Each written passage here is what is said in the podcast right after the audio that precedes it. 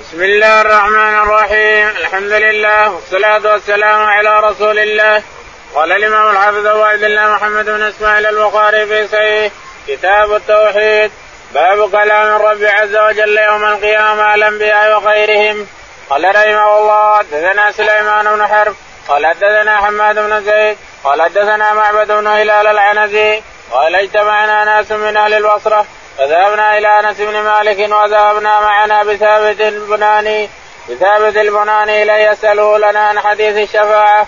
فإذا هو في قصره فوافقنا يصلي الدعاء فاستأذنا فأذن لنا وهو قاعد على فراشه. فقلنا لثابت لا تسأل عن شيء أول من حديث الشفاعة. فقال يا أبا حمزة هؤلاء إخوانك من أهل البصرة جاءوك يسألونك عن حديث الشفاعة. فقال حدثنا محمد صلى الله عليه وسلم قال إذا كان يوم القيامة أجى الناس بعضهم في بعض فيأتون آدم فيقولون اشفع لنا إلى ربك فيقول لست لها ولكن عليكم بإبراهيم فإنه خليل الرحمن فيأتون إبراهيم فيقول لست لها ولكن عليكم بموسى فإنه كليم الله فيأتون موسى فيقول لست لها ولكن عليكم بعيسى فإنه روح الله وكلمته فيأتون عيسى فيقول لست لها ولكن عليكم بمحمد صلى الله عليه وسلم فيأتوني فاقول أنا لها فاستاذن على ربي فيؤذن لي ويلمني محامد احمده بها.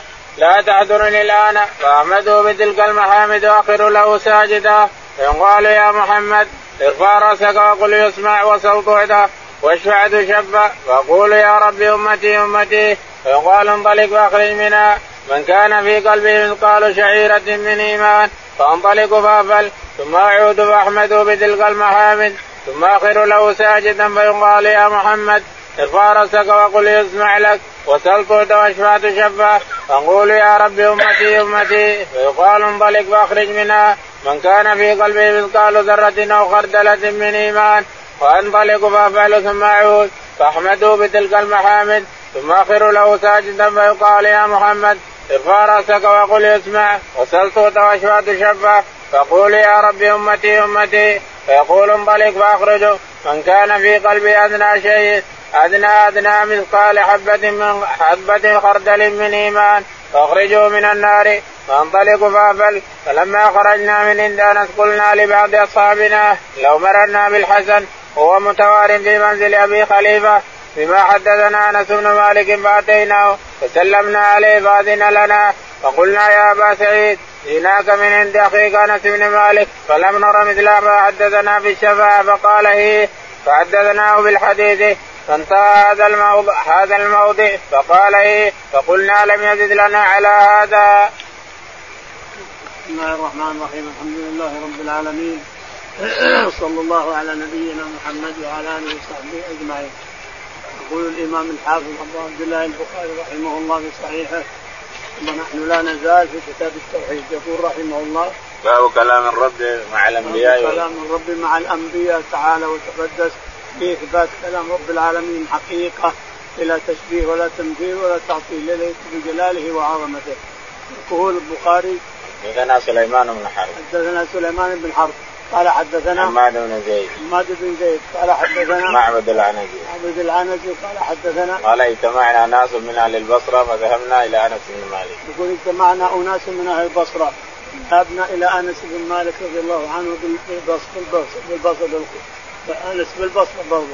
يقول فاجتمعنا فأتينا أنس رضي الله عنه وذهبنا معنا بثابت البناني وذهبنا معنا بثابت تلميذه وصديقه.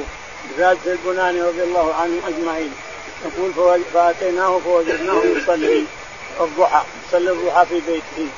لما جلس على فراشه أذن لنا أن ندخل فدخلنا وجلس على فراشه قال له ثابت إخوانك جاءتك من أهل البصرة يسألونك عن الشفاعة.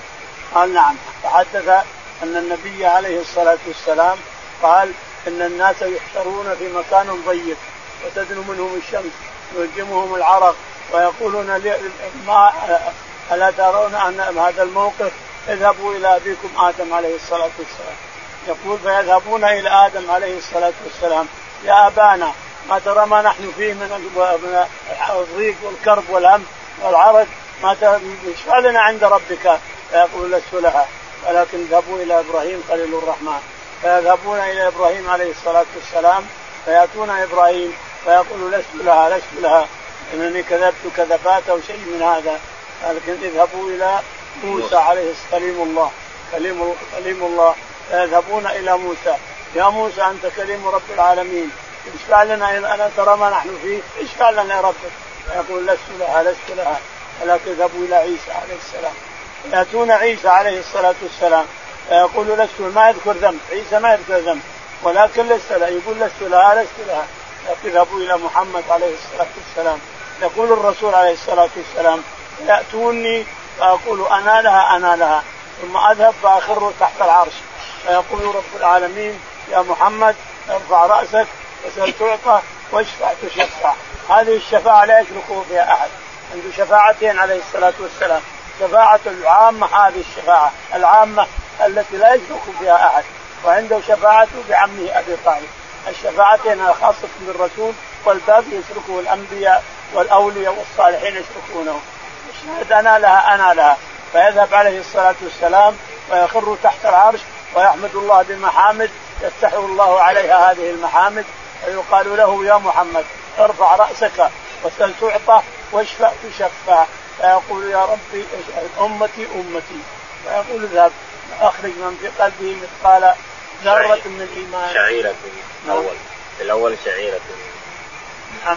في الأول شعيرة من مثقال شعيرة. أول شعيرة يقول إذا باخذ من النار من كان في قلبه شعيرة من النار يعني حبة شعيرة من النار أخرجه. فيذهب عليه الصلاة والسلام ويخرج من أمته من في قلبه شعيرة من من ايمان فيخرجه إلى الجنة. ثم يخر تحت العرش مرة ثانية ويحمد الله بمحامد يكتب عليها. ثم يقول يا محمد ارفع رأسك وسوف تعطى واشفع تشفع. فيذهب فيخرج من كان في قلبه مثقال ذرة من مثقال ذرة من إيمان فيخرجهم من النار إلى الجنة عليه الصلاة والسلام. عليه الصلاة والسلام.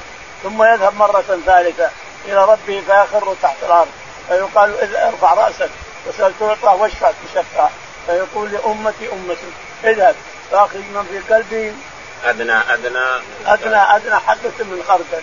فيخرج من كان في قلبه أدنى أدنى خردل من حبة خردل من إيمان. يعني ما يبقي أحدا في قلبه أدنى أدنى إيمان. يخرجهم كميا عليه الصلاة والسلام. قال فلما خرجنا من عند أنس قلت لبعض أصحابنا يوم مررنا بالحسن وهو متوار في منزل أبي خليفة بما حدثنا أنس بن مالك فأتيناه فسلمنا عليه فأذن لنا فقلنا يا أبا سعيد جئناك من عند أخيك أنس بن مالك فلم نر مثل ما حدثنا بالشفاء فقال هي فحدثناه بالحديث فانتهى إلى هذا الموضع فقال هي فقلنا لم يزد لنا على هذا فقال لقد حدثني وهو جميع منذ عشرين سنة فلا أدري أنس أم كره أن تتكلموا. قلنا يا أبا سعيد فحدثنا فضحك وقال خلق الإنسان عجولا ما ذكرت إلا وأنا أريد أن أحدثكم كما حدثني كما حدثكم به. قال ثم أعود الرابع فاحمده بتلك المحامد ثم أخر له ساجدا فيقال يا محمد ارفع رأسك وقل يسوى وسل تعطى واشفع تشفى فاقول يا ربي إذا لي في من قال لا إله إلا الله فيقول وعزتي وجلالي وكبريائي وعظمتي لأخرجن منها من قال لا إله إلا الله.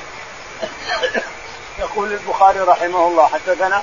من نفس السنة قال ولما خرجنا من عند أنس لما خرجنا من عند يعني نفس الحديث كله.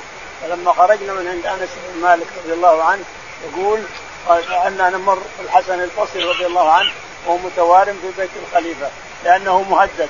متوارم في بيت الخليفة لأنه مهدد. يقول فأتينا الحسن أبو سعيد يسمونه يلقبونه أبو سعيد الحسن البصري رضي الله عنه. فأتيناه فسلمنا عليه ثم قلنا له انا اتيناك من عند أخيك آه، آه، آه، أنس بن مالك رضي الله عنه. يقول هي هي الله قولوا.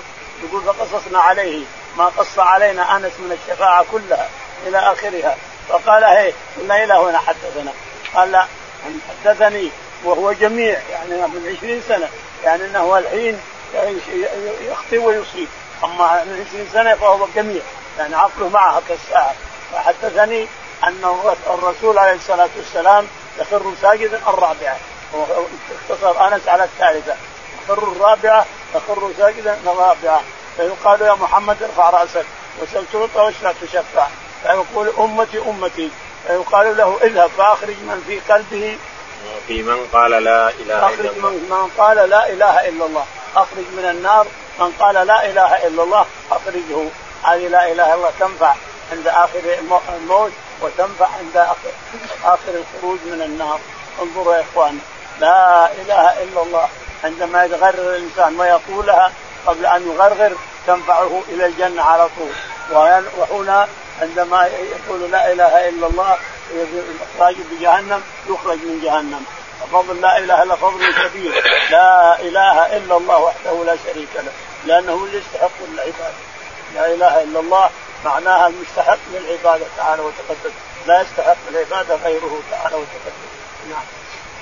قال رحمه الله حدثنا محمد بن خالد قال حدثنا عبيد الله بن موسى عن إسرائيل عن منصور عن إبراهيم عن عبيدة عن عبد الله رضي الله عنه قال قال رسول الله صلى الله عليه وسلم إن آخر أهل الجنة دخولا الجنه وآخر أهل النار خروجا من النار رجل يخرج حبوا فيقول له ربه أدخل الجنة فيقول ربي الجنة ملا. فيقول له ذلك ثلاث مرات. وكل ذلك يعيد عليه الجنة ملا. فيقول إن لك مثل الدنيا عشر مرار. يقول البخاري رحمه الله حدثنا محمد بن خالد. محمد بن خالد قال حدثنا عبيد الله بن موسى. عبد الله بن موسى قال حدثنا إسرائيل. إسرائيل قال عن منصور عن إبراهيم. عن منصور عن إبراهيم عن عبيدة السلماني. عن عبيدة السلماني عن عبد الله عن عبد الله بن مسعود رضي الله تعالى عنه. أن النبي عليه الصلاة والسلام قال نعم. إن آخر أهل الجنة دخولا الجنه وآخر أهل النار خروجا رجل يخرج حبوا يقول إن آخر أهل الجنة دخولا وآخر أهل جهنم خروجا رجل يخرج حبوا يخرج من النار حبو على يديه ورجليه يمشي يمشي يمشي حتى إذا وصل باب الجنة قال له الله ادخل. فيقول يا ربي ملا الجنة ملانة كيف أدخل؟ هو يرى بعينه أنها ملانة ولا ما هي ملانة الجنة. لكن هو يرى انها ملأ يا رب الجنة ملآن ملأ فيقول الرب تعالى وتقدس ادخل يا عبدي. فيقول يا رب الجنة ملأ ثلاث مرات وأربع مرات. يراجعه ربه صاحب الفضل والجلال والكمال تعالى وتقدس. فيقول ادخل الجنة فإن لك مثل الدنيا أو عشرة أمثالها. لك مثل الدنيا وعشرة أمثالها. نسأل الله فضل صاحب الجود والكرم والعطف والرحمة على عباده. نعم. قال رحمه الله حدثنا علي بن حجر قال أخبرنا عيسى بن يونس عن الأعمش عن خيثم عن ندي بن حاتم رضي الله عنه قال قال رسول الله صلى الله عليه وسلم ما منكم أحد إلا سيكلمه ربه ليس بينه وبينه ترجمان وينظر أيمن منه فلا يرى إلا ما قدم من عمله وينظر اشم منه فلا يرى إلا ما قدم وينظر بين يديه فلا يرى إلا النار تلقى وجهه فاتقوا النار ولو بشق تمرة. قال الاعمش حدثني عمرو بن مرة عن قيثم مثله وزاد فيه ولو بكلمة طيبة. يقول البخاري رحمه الله حدثنا علي بن حجر. علي بن حجر قال حدثنا عيسى بن يونس. عيسى بن يونس قال عن الأعمش. عن سليمان الأعمش قال عن قيثمة بن عبد الرحمن. عن بن عبد الرحمن قال عن عدي بن حاتم. عن عدي بن حاتم رضي الله عنه قال قال رسول الله صلى الله عليه وسلم ما منكم أحد إلا سيكلمه ربه. يقول إن الرسول عليه الصلاة والسلام قال ما منكم أحد يا بني آدم الجن والإنس؟ إلا يكلمه ربه ليس بينه وبينه ترجمان. يكلمه ربه. ان كان نقاش أو مخاصمة أو فعلت كذا فعلت كذا فعلت كذا. يعترف. المسلم يعترف فيرحمه ربه ويدخله الجنة. واللي ما هو مسلم ما يعترف فيدخله جهنم. فالشاهد ليس بينكم وبينهم ترجمان. يكلمك ربك في إثبات الكلام لرب العالمين. جميع جميع العباد يكلمهم كانه يكلم يكلم الجميع كأنه يكلم واحد. فينظر أيمن منه فلا يرى إلا ما قدم. فينظر الإنسان أيمن منه فلا يرى إلا ما قدم. وينظر أيسر منه فلا يرى إلا ما قدم. وينظر ينظر أمامه فلا يرى إلا ما قدم. إلا جهنم. ولا يرى إلا جهنم. نعم فاتقوا النار ولو بشق تمرة. فاتقوا النار ولو بشق تمرة. نص تمرة تصدقها على مسكين اتق النار الإنسان ولو بشق تمرة. انه وجه الله والدار الآخرة وأعطي المسكين تمرة واحدة أو نص تمرة أو اعطها اللي تعطيه من صدقة فإنها تقيك من جهنم. وجهك تقيك من جهنم. نعم. وزاد الأعمش عن عمرو بن مرة ولو بكلمة طيبة. وزاد الأعمش عن عمرو بن مرة قال ولو بكلمة طيبة. يعني أنك اتق النار ولو بكلمة طيبة. تهديها على أخيك المسلم. تهديها لأخيك المسلم. كلمة طيبة فرق أخيك المسلم. أو تهديها له فإنها تصير وقاية لك من جهنم. نعم. قال رحمه الله دثنا عثمان بن أبي شيبة. قال دثنا جرير منصور إبراهيم عن أبي عبد الله رضي الله عنه قال جاء حبر من اليهود. فقال إنه إذا كان يوم القيامة جعل الله السماوات على اصبع والارضين على اصبع والماء والثرى على اصبع والخلائق على اصبع ثم يهزن ثم يقول أنا الملك وأنا الملك. فلقد رأيت النبي صلى الله عليه وسلم يضحك حتى بدت نواجذه تعجبا وتصديقا لقوله. ثم قال النبي صلى الله عليه وسلم وما قدر الله حق قدره إلى قوله يشركون. يقول البخاري رحمه الله حدثنا عثمان بن أبي شيبة. عثمان بن أبي شيبة قال حدثنا جرير. جرير قال حدثنا منصور. منصور قال عن إبراهيم عن عبيده عن إبراهيم عن عبيده السلماني عن عبد الله بن مسعود رضي الله تعالى قال جاء حبر من اليهود فقال إنه إذا كان يوم القيامة جعل الله السماوات جاء حبر إلى النبي عليه الصلاة والسلام من اليهود فقال يا يا أبا القاسم إن الله تعالى وتقدس يجعل السماوات يوم القيامة يجعل السماوات على إصبع والارضين على إصبع والشجر والدواب على إصبع والماء والثرى على والماء والثرى على إصبع والخلائق والخلائق كلهم على إصبع ويقول ثم يهز منه. ها ثم يهزهن ويقول أنا أنا الملك أنا الملك نعم. فلقد رأيت النبي صلى الله عليه وسلم يضحك فلقد رأيت النبي عليه الصلاة والسلام يضحك تصديقا لقول الحبر تصديقا لقول الحبر. نعم ربنا يجمع الخلائق كلهم على اصبع تعالى ثم قرأ قوله تعالى. في إثبات الأصابع في إثبات الأصابع لرب العالمين تليق بجلاله وعظمته دون تشبيه ولا تمثيل ولا تعطيل تليق بجلاله وإثبات الأصبع إثبات الأصابع لرب العالمين. اصابع تليق بجلاله وعظمته بدون تشبيه ولا تعطيل ولا تمثيل نعم. ثم قرأ قوله تعالى وما قدر الله حق قدره. ثم قرأ قوله تعالى وما قدر الله حق قدره والأرض جميعا قبضته يوم القيامة يوم القيامة والسماوات مطويات بيمينه تعالى وتقدس يقول السماوات ويقول الأرض فيقول أنا الملك أين ملوك الأرض؟ أنا الملك أين ملوك الأرض؟ أين الظلمة؟ أين أهل الكبر والطغى؟ أنا أنا الملك ويقول لمن الملك اليوم؟ لله الواحد القهار نعم. قال رحمه الله دثنا مسدد قال دثنا أبو عوان عن قتادة صفوان بن محرز أن رجلا سأل ابن عمر رضي الله عنهما كيف سمعت رسول الله صلى الله عليه وسلم يقول في النجوى؟ قال يدنو أحدكم من ربه حتى يضع كنفه عليه فيقول عملت كذا وكذا فيقول نعم. فيقول عملت كذا وكذا فيقول نعم. فيقرر ثم يقول إني سترت عليك في الدنيا وأنا أغفرها لك اليوم. قال حدثنا آدم قال حدثنا شيبان قال حدثنا قتادة قال حدثنا صفوان عن ابن عمر قال سمعت النبي صلى الله عليه وسلم. يقول البخاري رحمه الله حدثنا مسدد. مسدد قال حدثنا أبو عوانة. أبو عوانة قال عن قتادة. عن قتادة قال عن صفوان بن محرز. عن صفوان بن محرز قال أن رجلا سأل ابن عمر كيف سمعت أن رجلا سأل ابن عمر رضي الله تعالى عنه كيف النجوى يعني كيف يناجي ربه كيف سمعت سمعت رسول الله صلى الله عليه وسلم يقول في النجوى؟ كيف سمعت الرسول عليه الصلاة والسلام يقول في النجوى وهي مناجاة الرب تعالى وتقدس لعبده. قال سمعته يقول يدنو أحدكم من ربه حتى يضع عليه. يدنو أحدكم من ربه حتى يضع عليه كنفه الرحمة. رحمة و... رحمة وعطف وحنان فيقول عملت كذا وكذا؟ فيقول, فيقول لعبده عملت كذا وكذا. نعم يا ربي. عملت كذا وكذا. نعم يا ربي. عملت كذا وكذا. نعم يا ربي. نعم. ثم يقول إني سترت عليك في الدنيا وأنا اغفرها لك الستر الغفران والمن والعطاء من رب العالمين لعبده الضعيف المسكين. إني سترت عليك في الدنيا وأنا اليوم اغفرها لك. يا رب اجعلنا منهم. وأنا اليوم اغفرها لك. ادخل الجنة. اسال الله نعم. وقال حدثنا آدم. قال حدثنا آدم. قال حدثنا شيبان. شيبان. قال حدثنا قتادة. قتادة قال عن صفوان عن ابن عمر عن صفوان بن مالك عن ابن عمر رضي الله تعالى عنه. عن النبي صلى الله عليه وسلم. عن النبي عليه الصلاة والسلام. باب قوله تعالى وكلم الله موسى تكليما. قال حدثنا يحيى بن بكير. قال حدثنا الليث. قال حدثنا قيل بن شهاب. قال حدثنا حميد بن عبد الرحمن عن أبي هريرة رضي الله عنه.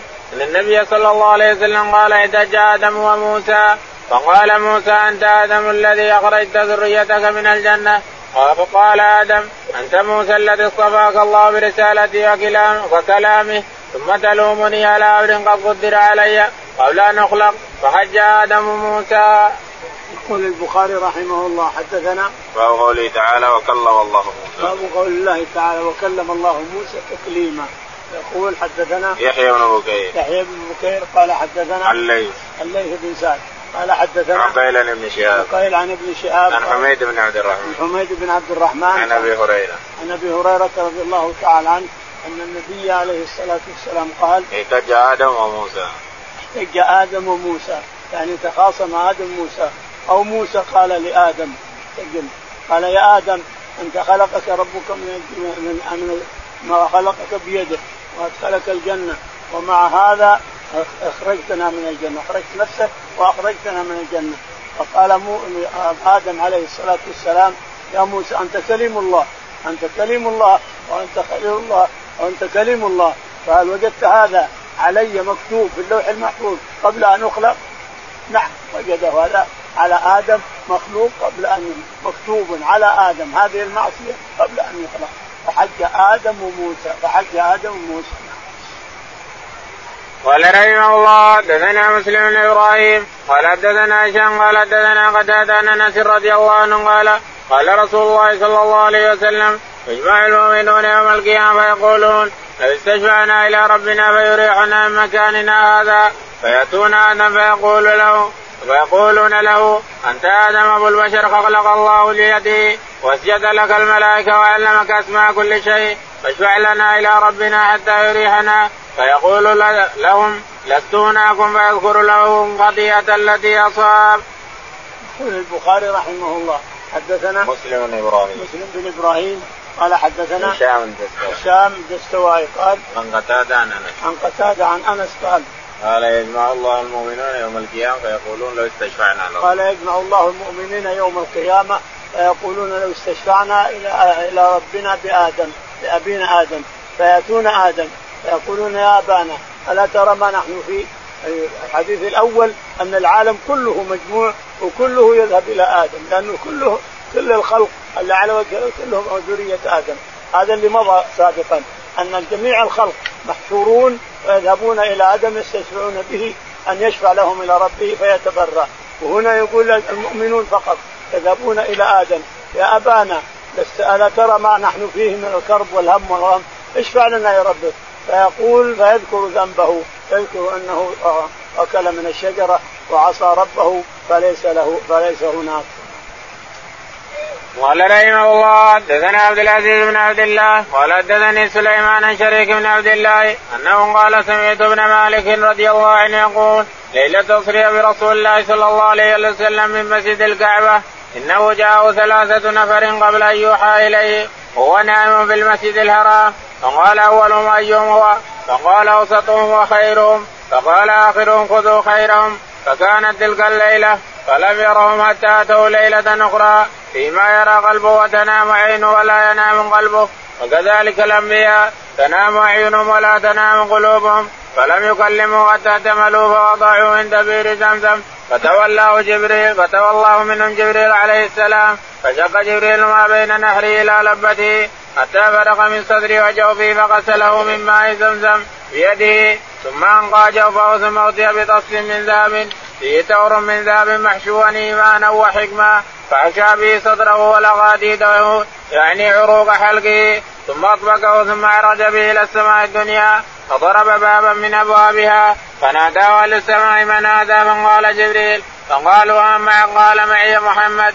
قال وقد بعث قال نعم. قالوا مرحبا به وأهلا. فيستبشر بأهل السماء لا يعلم أهل السماء بما يريد الله به في الأرض حتى يعلمهم. فوجد في السماء الدنيا آدم فقال له جبريل هذا أبوك فسلم عليه فسلم عليه ورد عليه آدم وقال مرحبا وأهلا بابني نعم الابن أنت فإذا هو في السماء الدنيا بنهرين يضطردان فقال ما هذه النهران يا جبريل؟ قال هذا النيل والفرات انصرهما ثم مضى به في السماء فإذا هو بنهار آخر عليه قصر من لؤلؤ وزبرجد فضرب يده فإذا هو مسك قال ما هذا يا جبريل؟ قال هذا الكوثر الذي خبأ لك ربك ثم عرج إلى السماء الثانية. وقالت الملائكة له مثل ما قالت له الأولى من هذا؟ قال من هذا؟ قال جبريل. قال ومن معه؟ قال محمد. قال وقد بعث اليهم قال نعم. قال مرحبا به وعلى. ثم به إلى السماء الثالثة. فقالوا له مثل ما قالت الأولى والثانية. ثم عرج به إلى الرابعه فقال له مثل ما قال ذلك. ثم عرج به إلى السماء الخامسه فقالوا له مثل ما قال. ثم عرج به إلى السماء السادسة فقالوا له مثل ذلك. ثم عرج به إلى السماء السابعة فقالوا له مثل ذلك. كل سماء فيها انبياء قد سماهم فهو عيد. يقول البخاري رحمه الله حدثنا عبد العزيز. عبد العزيز قال حدثنا سليمان. سليمان قال حدثنا شريك بن أبي نمر. شريك بن أبي نمر قال عن أنس بن مالك. عن أنس رضي الله تعالى عنه أن النبي عليه الصلاة والسلام قال ليلة أسري برسول الله صلى الله عليه وسلم مسجد الكعبة. ليلة أسري برسول الله عليه الصلاة والسلام وهو نائم عند الكعبة وعنده نفرين نايمين بأدم فجاء الملائكة جبريل وميكائيل وإسرافيل. فقالوا أيهم الرجل المبعوث الذي بعثنا إليه؟ قال أوسطهم هو خيرهم. قال هو خيرهم وهو أوسطهم قال مرتين أو ثلاث. أيهم أيهم أوسطهم خيرهم؟ فيقول جبريل أوسطهم وهو خيرهم. فيقول فيشقون صدره على الشق الثاني. شق صدره وهو ابو ثلاث سنوات عند أمه حليمة السعدية. كان مرضعا عند حليمة يرضع عند حليمة اخذته من أمه آمنة وذهبت به ترضعه وهكذا قريش. كانوا يعطون أولادهم الاعراب يتربون عند البدو يأخذون أخلاق البدو ويرضعون عندهم. فهذا نصيب حليمه محمد عليه الصلاة والسلام. فجلس عندها. بثلاث سنوات جاءه جبريل في الصحراء في البر ومعه أخوه أخوه من من من الرضاعة أخوه من الرضاعة. فشق صدره هناك. صدره وأخرج ما فيه يقال أخرج ما فيه من الأشياء التي بقي الحكمه والإيمان هنا. أخرج ما فيه من حظ الشيطان. لما شق صدره أخرج ما فيه من حظ الشيطان. فجاء الولد أخوه من الرضاعة يصيح لأمه السعديه فأتت إلى الولد منكمش وجهه ومصفر الوجه. ما لك ابني ما لك اخذته احتضنته وجابته لأمه آمنة. أعطته إياه. قال سبحان الله أمس تأخذينه مني بالقوة واليوم تردون عن ما الذي حدث. قال إلا إلا تحدثيني. تخافين على ابني؟ لا تخافين. إني لما ولدته كان أصبعه على السماء واتكى على يديه. ما طاح على راسه مثل الناس. اتكى على يديه وكان ذهب. خرج مني نور اضاءت منه قصور الشام. خرج مني نور اصابت منه. اذهبي. اذهبي بسلام اتركي ولدي عندي. هذا كلام حليمه الشاهد أن الشق الثاني هنا. عند الكعبة قالوا أيهم؟ قال هو الأوسط. فشقوا صدره هنا ملأوه حكمة وإيمان وهناك اخرجوا حظ الشيطان. بس هناك في الصحراء اخرجوا حظ الشيطان من قلبه. وهنا ملأوا قلبه حكمة وإيمانا عليه الصلاة والسلام حتى ملأ صدره ولا بيده من هنا من حلقه عليه الصلاة والسلام. ثم عرج ثم عرج به إلى السماء. أخذه جبريل معه وأركبه البراق وذهب به إلى القدس ثم ربط القرب حتى صلى ثم ذهب به عرج به. هناك أسري به. من مكة إلى الماء إلى القدس إسرى ومن ومن القدس إلى السماء معراج. يعني حصل اسراء ومعراج. والاسراء والمعراج هي ليلة واحدة كلها. وهو صاحي عليه الصلاة والسلام. عرج به. قال وهو صاحي. ما هو نايم؟ بجسده وروحه. عرج به بجسده وروحه هذا. حتى طرق الباب وصل الباب جبريل عليه السلام وصل بالسماء من هذا؟ جبريل. من معك محمد؟ أو أرسل إليه وهنا يقول قد بعث إليه كل واحد. أو قد أرسل إليه قال نعم ففتحوا له. فجاء السماء الدنيا. من هذا؟ جبريل. من معك محمد؟ أو قد أرسل إليه قال نعم ففتحوا له. وجد في السماء الدنيا آدم عليه الصلاة والسلام. فقال جبريل هذا أبوك آدم سلم عليه. وسلم على آدم مرحبا بالابن الصالح. فذهب إلى السماء الثانية ووجد فيها أولاد الخالة عيسى ويحيى عليهم الصلاة والسلام. ثم ذهب إلى الثالثة ووجد فيها موسى. ثم ذهب موسى بالخامسة وجد في هارون. ثم ذهب إلى إلى حتى وصل إلى السادسة. السادسة فيها موسى عليه الصلاة والسلام والذي حصلت المراجعة بينه وبين موسى بين ربه وبين موسى. يعني جعله الله تعالى وتقدس رحمة لأم محمد. موسى لأمة محمد. موسى عليه الصلاة والسلام. في السادسة جعله الله في هذا المكان رحمة لأمة محمد.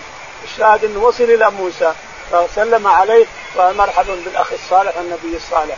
ثم ذهب إلى ربه ففرض عليه خمسين صلاة. خمسين صلاة. فجاء إلى موسى. فرض عليك خمسين قال أمتك لا تقدر. أنا عالجت بني إسرائيل أشد المعالجة وبني إسرائيل أشد من أمتك وأقوى. ترجع إلى ربك وحقك إلى آخر موجود. معروف الإسراء حديث الإسراء طويل جدا. الشاهد إنه يرجع رب محمد عليه الصلاة والسلام إلى ربه فيخفف خمس ثم يرجع فيخفف خمس ثم يرجع إلى موسى فيخفف خمس ثم يرجع إلى موسى فيخفف خمس ثم يرجع إلى حتى بقي خمس بس. فقال استحيت والله. يا موسى استحيت من ربي. أروح وجهي وأروح وجهي. استحيت من ربي. فذهب به. فنادى نادى مناد نادى ربنا تعالى وتقدس أني قد فرضت فريضتي حتى جاء سدرة المنتهى ودنا الجبار. رب العزة فتدلى حتى كان من غاب قوسين وأدنى. فأوحى الله إليه ما أوحى إليه خمسين صلاة على أمتك. كل يوم وليلة ثم هبط حتى بلغ موسى. فجبسه فقال يا محمد ماذا أحد إليك ربك؟ قال أحد إلي خمسين صلاة كل يوم وليلة. قال إن أمتك لا تستطيع ذلك فرجي وليخفف عنك ربك. وعنهم فالتفت النبي صلى الله عليه وسلم إلى جبريل كأنه يستشير في ذلك فأشار جبريل أن نعم إن شئت فعلى به إلى الجبار فقال وهو مكانه يا رب خفف عنا فإن أمتي لا تستطيع ذلك. فوضع عنه عشر صلوات ثم رجع إلى موسى فالتفته فلم يزل يردده موسى إلى ربه حتى صارت إلى خمس صلوات ثم احتبسه موسى عند الخمس فقال يا ربي فقال يا محمد والله لقد راودت بني إسرائيل قومي على أدنى من هذا فضعفوا فتركوا فأمتك أضعف أجسادا وقلوبا وأبدانا وأبصارا وأسماعا. فارجع فليخفف عنك ربك كل ذلك التفت النبي صلى الله عليه وسلم إلى جبريل ليشير عليه ولا يكره ذلك جبريل. فرفع عند الخامسة قال يا رب ان امتي ضعفاء اجسام وقلوبهم واسماء وأبدانهم. وخفف عنا. فقال الجبار يا محمد قال لبيك وسعدين قال إنه لا يبدل القول لدي فما فرضت عليك في أم الكتاب. قال فكل حسنة بعشر أمثالها فهي خمسون في أم الكتاب وهي خمس عليك فرجع إلى موسى فقال كيف فعلت؟ فقال خفف عنا حتى أعطانا بكل حسنة عشر أمثالها. قال موسى قد والله رددت بني إسرائيل على أدنى من ذلك فتركوه ارجع إلى ربك وليخفف عنك أيضا. قال رسول الله صلى الله عليه وسلم يا موسى قد والله استحييت من ربي مما اختلفت إليه. قال بابت بسم الله. قال واستيقظ في مسجد الحرام. يقول البخاري رحمه الله حدثنا آه وقال بالسند وموسى في السابعه بتفصيل كلام موسى في السابعه قال إنه خرج وطلع إلى ربه تعالى وتقدس وفي حديث أنه أن جبريل عليه الصلاة والسلام وقف عند سدرة المنتهى وأمر الرسول يخرج أن يطلع. أمر الرسول عليه الصلاة والسلام أن يطلع.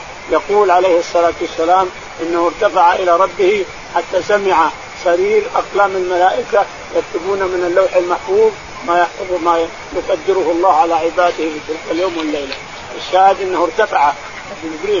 وقف عند سدرة المنتهى ومحمد قيل له اطلع. فطلع عليه الصلاة والسلام إلى ربه حتى يقول وصرت إلى مكان أسمع صرير أقلام الملائكة يكتبون من اللوح المحفوظ ما يريده الله. هذا دليل على أن اللوح المحفوظ ما يقربه ملائكة ولا يمسه ملائكة ولا يمسه أحد وأن المراد بقوله تعالى لا يمسه إلا المطهرون هو المصحف اللي بين يدينا لا غير لا غير لأن اللوح المحفوظ ما يمسه أحد لا الملائكة تمسه ولا يقربه أحد اطلاقا. ولكن يكتبون منه ما يريد الله أن يفرضه على عباده. أما الذي لا يمسه إلا المطهرون هذا الكتاب اللي بين يدينا والمصحف اللي بين يدينا هو هو. ولا حاجة إلى تأويل ولا حاجة إلى تخرصات عند كثير من الناس إلى آخره. الشاهد يقول عليه الصلاة والسلام إن الله تعالى وتقدس فرض عليه عشرا فجاء موسى فرد ثم عشر ثم عشر حتى وصل إلى خمس. قال له موسى ارجع. قال والله استحيت من ربي تعالى وتقدس. كل ما أرجع يخفف كل ما أرجع. فمضى وتعدى موسى. تعدى موسى فناداه ربنا تعالى وتقدس. إني قد خصصت فرضت فريضتي وخففت عن عبادي ولهم بكل صلاة خمسين. لك كل صلاة صلاة المغرب خمسين صلاة وصلاة العشاء خمسين صلاة كل صلاة تصليها الإنسان لك عن فيها خمسين صلاة نسأل الله. هذا فضل وجود. ورحمة ولطف على عباده. تعالى نشكره ربنا تعالى يتقدس باب كلام الرب ما على الجنة. قال حدثنا يحيى بن سليمان. قال حدثني نوح قال حدثني مالك عن زيد بن أسلم. ان بن يسار نبي سيد الخدري رضي الله عنه قال قال النبي صلى الله عليه وسلم إن الله يقول لأهل الجنة يا أهل الجنة فيقول لبيك ربنا وسعديك والخير في يديك. فيقول هل رضيتم؟ فيقولون وما لنا لا نرضى يا ربي. وقد آتيتنا ما لم تؤت أحدا من خلقك. فيقول ألا أعطيكم أفضل من ذلك؟ فيقولون يا رب وأي شيء أفضل من ذلك؟ فيقول أحل عليكم برضواني فلا أسقط عليكم بعده أبدا. يقول البخاري رحمه الله باب كلام الرب مع الانجيل كلام الرب في إثبات الكلام لرب العالمين كلاما يليق بجلاله وعظمته بدون تشبيه ولا تعطيل. يقول حدثنا يحيى. يحيى قال حدثنا عبد الله بن وهب. عبد الله بن وهب قال حدثنا مالك. مالك قال حدثنا زيد بن أسلم. زيد بن أسلم قال عن عطاء بن يسار. عن عطاء بن يسار قال عن أبي سعيد الخدري. عن أبي سعيد الخدري رضي الله تعالى عنه أن النبي عليه الصلاة والسلام قال إن الله يقول لأهل الجنة يا أهل الجنة فيقولون لبيك إن الله يقول لأهل الجنة يا أهل الجنة. نعم. يقولون لبيك وسعديك يا ربنا. يقولون لبيك وسعديك ربنا. فيقول هل رضيتم ما هل رضيتم؟ قالوا نعم يا ربنا رضينا. قال وقد أعطيتنا ما لم تعطي أحدا كيف لا نرضى وقد أعطيتنا ما لم تعطي أحدا من العالمين؟ رضينا يا ربنا نعم. فقال ألا أعطيكم أفضل من ذلك؟ قال ألا أعطيكم أفضل من الرضا. قال وأي شيء أفضل؟ اي شيء أفضل مما مما أعطيتنا يا ربنا. قال احل عليكم رضواني فلا احل عليكم رضواني فلا أسقط أبدا. أسأل الله من فضله. وفي رواية أنه يريهم وجهه تعالى وتقدس فيرون وجه الرب تعالى يوم الجمعة بدون إدراك. نعم. قال رحمه الله حدثنا محمد بن سنان قال حدثنا فلان قال حدثنا هلال عن عطاء بن يسار عن أبي هريرة رضي الله عنه أن النبي صلى الله عليه وسلم كان يوم يحدث وعنده رجل من أهل البادية أن رجلا من أهل الجنة استأذن ربه بالزرع فقال له ولست في ماشية؟ قال بلى ولكني أحب أن أزرع فأسرع وبذر فتبادر الطرف نباته واستواءه واستحساده وتكويره وأمثال الجبال. فيقول الله تعالى دونك يا ابن آدم فإنه لا يشبعك شيء. فقال الأعرابي يا رسول الله لا تجد هذا إلا قرشيا أو أنصاريا فإنهم أصحاب زرع. فأما نحن فلسنا بأصحاب زرع. فضحك رسول الله صلى الله عليه وسلم. يقول البخاري رحمه الله حدثنا محمد بن سنان. محمد بن سنان قال حدثنا فليح بن سليمان بن سليمان. بن سليمان قال. عن هلال بن علي. عن هلال بن علي. قال حدثنا عطاء بن يسار. عطاء بن يسار. عن أبي هريرة. عن أبي هريرة رضي الله تعالى عنه أن النبي عليه الصلاة والسلام جاء أعرابي. كان يوما يحدث وعنده رجل من أهل كان يوما يحدث وعنده رجل من البادية من الأعراب. فقال أن رجلا من أهل الجنة استأذن ربه في الزرع. إن رب رجلا من أهل الجنة استأذن ربه في الزرع. فأذن له رب العالمين تعالى وتقدس. وطلع الزرع باسرع من لحظة. طلع الزرع ونبت وطلع صار حدائق صار كذا صار كذا. وقال يا ابن آدم لا. فإنه لا يشبعك شيء. لا يشبعك شيء يا ابن آدم. قال الأعرابي هذا تجده قرشي ولا أنصاري؟ فانهم أصحاب زرع. تجده أم قرشي يعني ما هو منا العرب الباديه تجده قرشي وإلا أنصاري لأنهم أصحاب الزروع. نعم. وضحك الرسول عليه الصلاة والسلام. باب ذكر باب ذكر الله بالأمر وذكر العباد بالدعاء والتضرع والرساله والإبلاغ. من قوله تعالى فاذكروني أذكركم من قوله واتل عليهم نبع إذ قال لقوم يا قوم إن كان كبر عليكم مقامي وتذكيري بآيات الله وعلى الله توكلت فأجمعوا أمركم وشركاءكم ثم لا يكن أمركم عليكم غمة ثم اقضوا إلي ولا تنظرون. فإن توليتم فما سألتكم من أجر نجري إلا على الله أمرت أن أكون من المسلمين. غم هم وضيق قال مجاهد اقضوا إلي ما في أنفسكم. يقال افرق يقضي وقال مجاهد وإن أحد من المشركين استجارك فأجر حتى يسمع كلام الله. إنسان يأتيه فيسمع ما يقول. وما أنزل عليه فهو آمن حتى يأتيه فيسمع كلام الله حتى يبلغ مأمنه حيث جاءه. أنه حيث جاءه النبأ العظيم القرآن صوابا حقا في الدنيا وعمل به. يقول البخاري رحمه الله باب باب ذكر الله بالأمر. باب ذكر الله بالأمر ذكر الله بالأمر وذكر الناس بالدعاء والتضرع. بالدعاء والصلاة والصدقة. قال حدثنا بقوله تعالى فاذكروني أذكركم. قوله تعالى فاذكروني أذكركم. يعني لا تذكر ربك حتى تسبح وتهلل. إذا ذكرت ربك فأكثر من التسبيح والتهليل والدعاء لنفسك بما يخصك. يقول واذكر الناس بما يخصهم. يقول يقول البخاري حدثنا قال تعالى واتل عليهم نبأ نوح قال تعالى واتل عليهم نبأ نوح قال لقومه يا قوم. إن كان كبر عليكم إن كان كبر عليكم مقامي. كبر عليكم ما أنا فيه يعني. كبر عليكم مقامي وتذكيري بآيات الله. فعليه توكلت؟ فأجمعوا أمركم وشركاءكم. ثم لا يكن أمركم عليكم غمة ثم ادعوا إلي ثم اقضوا إلي ولا تنظرون. إني توكلت على الله ربي وربكم فإن توليتم فما سألتكم فإن توليتم فما سألتكم عليه من أجر. إن أجر إلا على الله. وأمرت أن أكون من المسلمين. أمرت أمره الله أن يكون من المسلمين إلى آخره. الشاهد قوله اقضوا فيه اللي بأنفسكم واللي تريدون تعاقبوني فيه اقضوا اعملوا. يلا أنا هذا بين يديكم. اعملوا اقضوا إلي ولا تنظرون. كان في أنفسكم أن تقتلوني أو تعذبوني أو ت... يلا أقضوا إلي ولا تنظرون. حاميه رب العالمين. ما يقدر يتعرض احد حاميه مولى ما يقدر ينظر إليه أحد. نعم. وقال مجاهد وإن أحد من المشركين استجارك وقال مجاهد وإن أحد من المشركين استجارك فأجره حتى يسمع كلام الله. في إثبات الكلام لرب العالمين. وأنه أنزل القرآن تكلم في القرآن وأنزله على رسوله محمد عليه الصلاة والسلام قبضا طريا لكن أجره يعني خلوه خلوه في إجارتك وفي عهدك وميثاقك يدخل ويسمع القرآن ثم أرجعه إلى ما كان اللي كان فيه.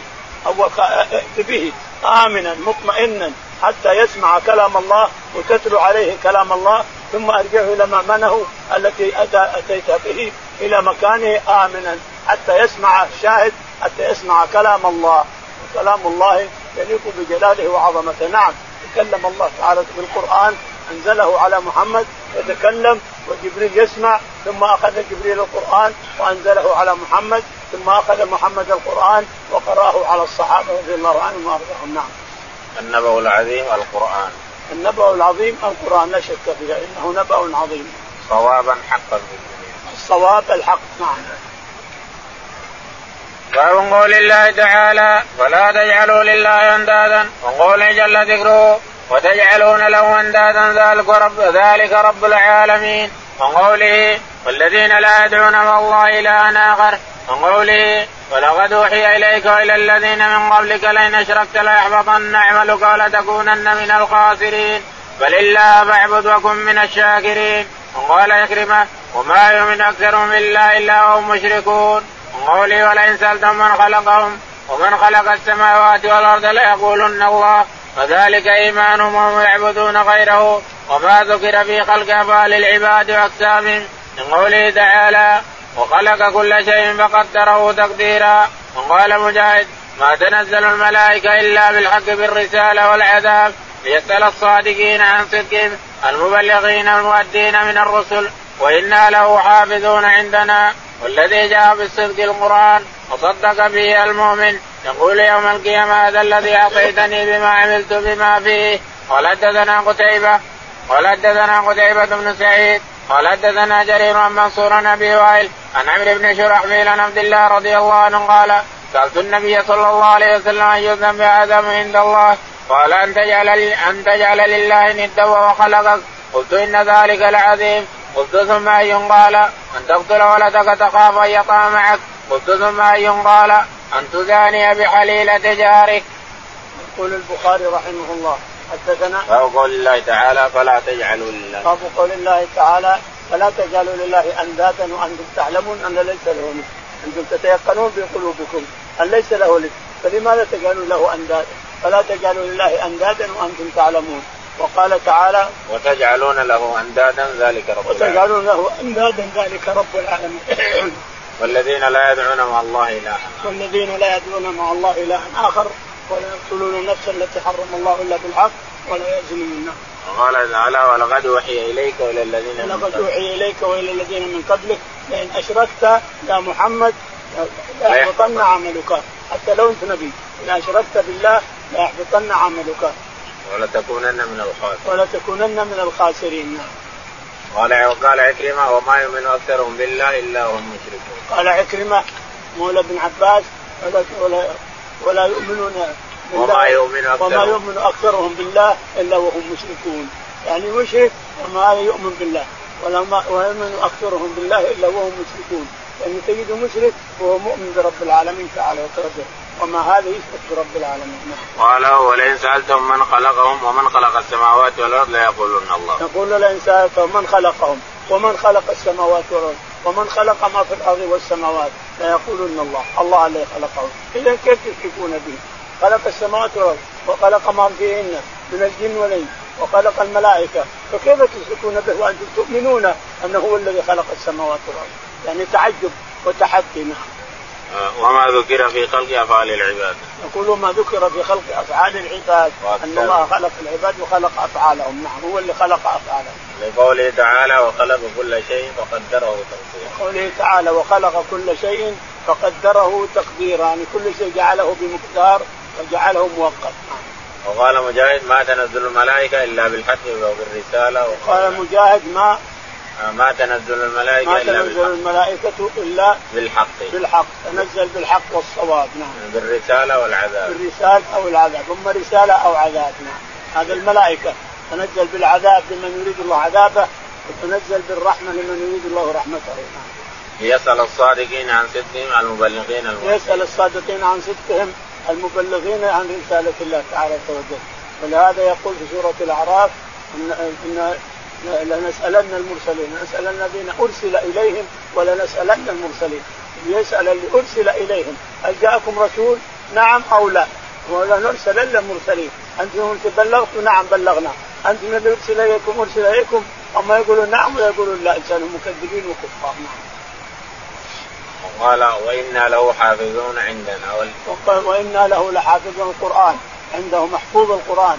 لا يبدل ولا يغير ولا يزاد يزاد فيه ولا ينقص محفوظ حفظ رب العالمين ولا يمكن أن يزيد أو ينقص في هذا الكتاب في كلام رب العالمين القران الذي نزل على محمد أوله البقرة واخره عذاب رب الناس لا يمكن أن يزاد فيه أو ينقص لأنه محفوظ حافظ رب العالمين تعالى وتقدس. والذي جاء بالصدق القرآن. والذي جاء بالصدق وصدق به قال وصدق به المؤمن. بالصدق يعني القرآن هو الصدق.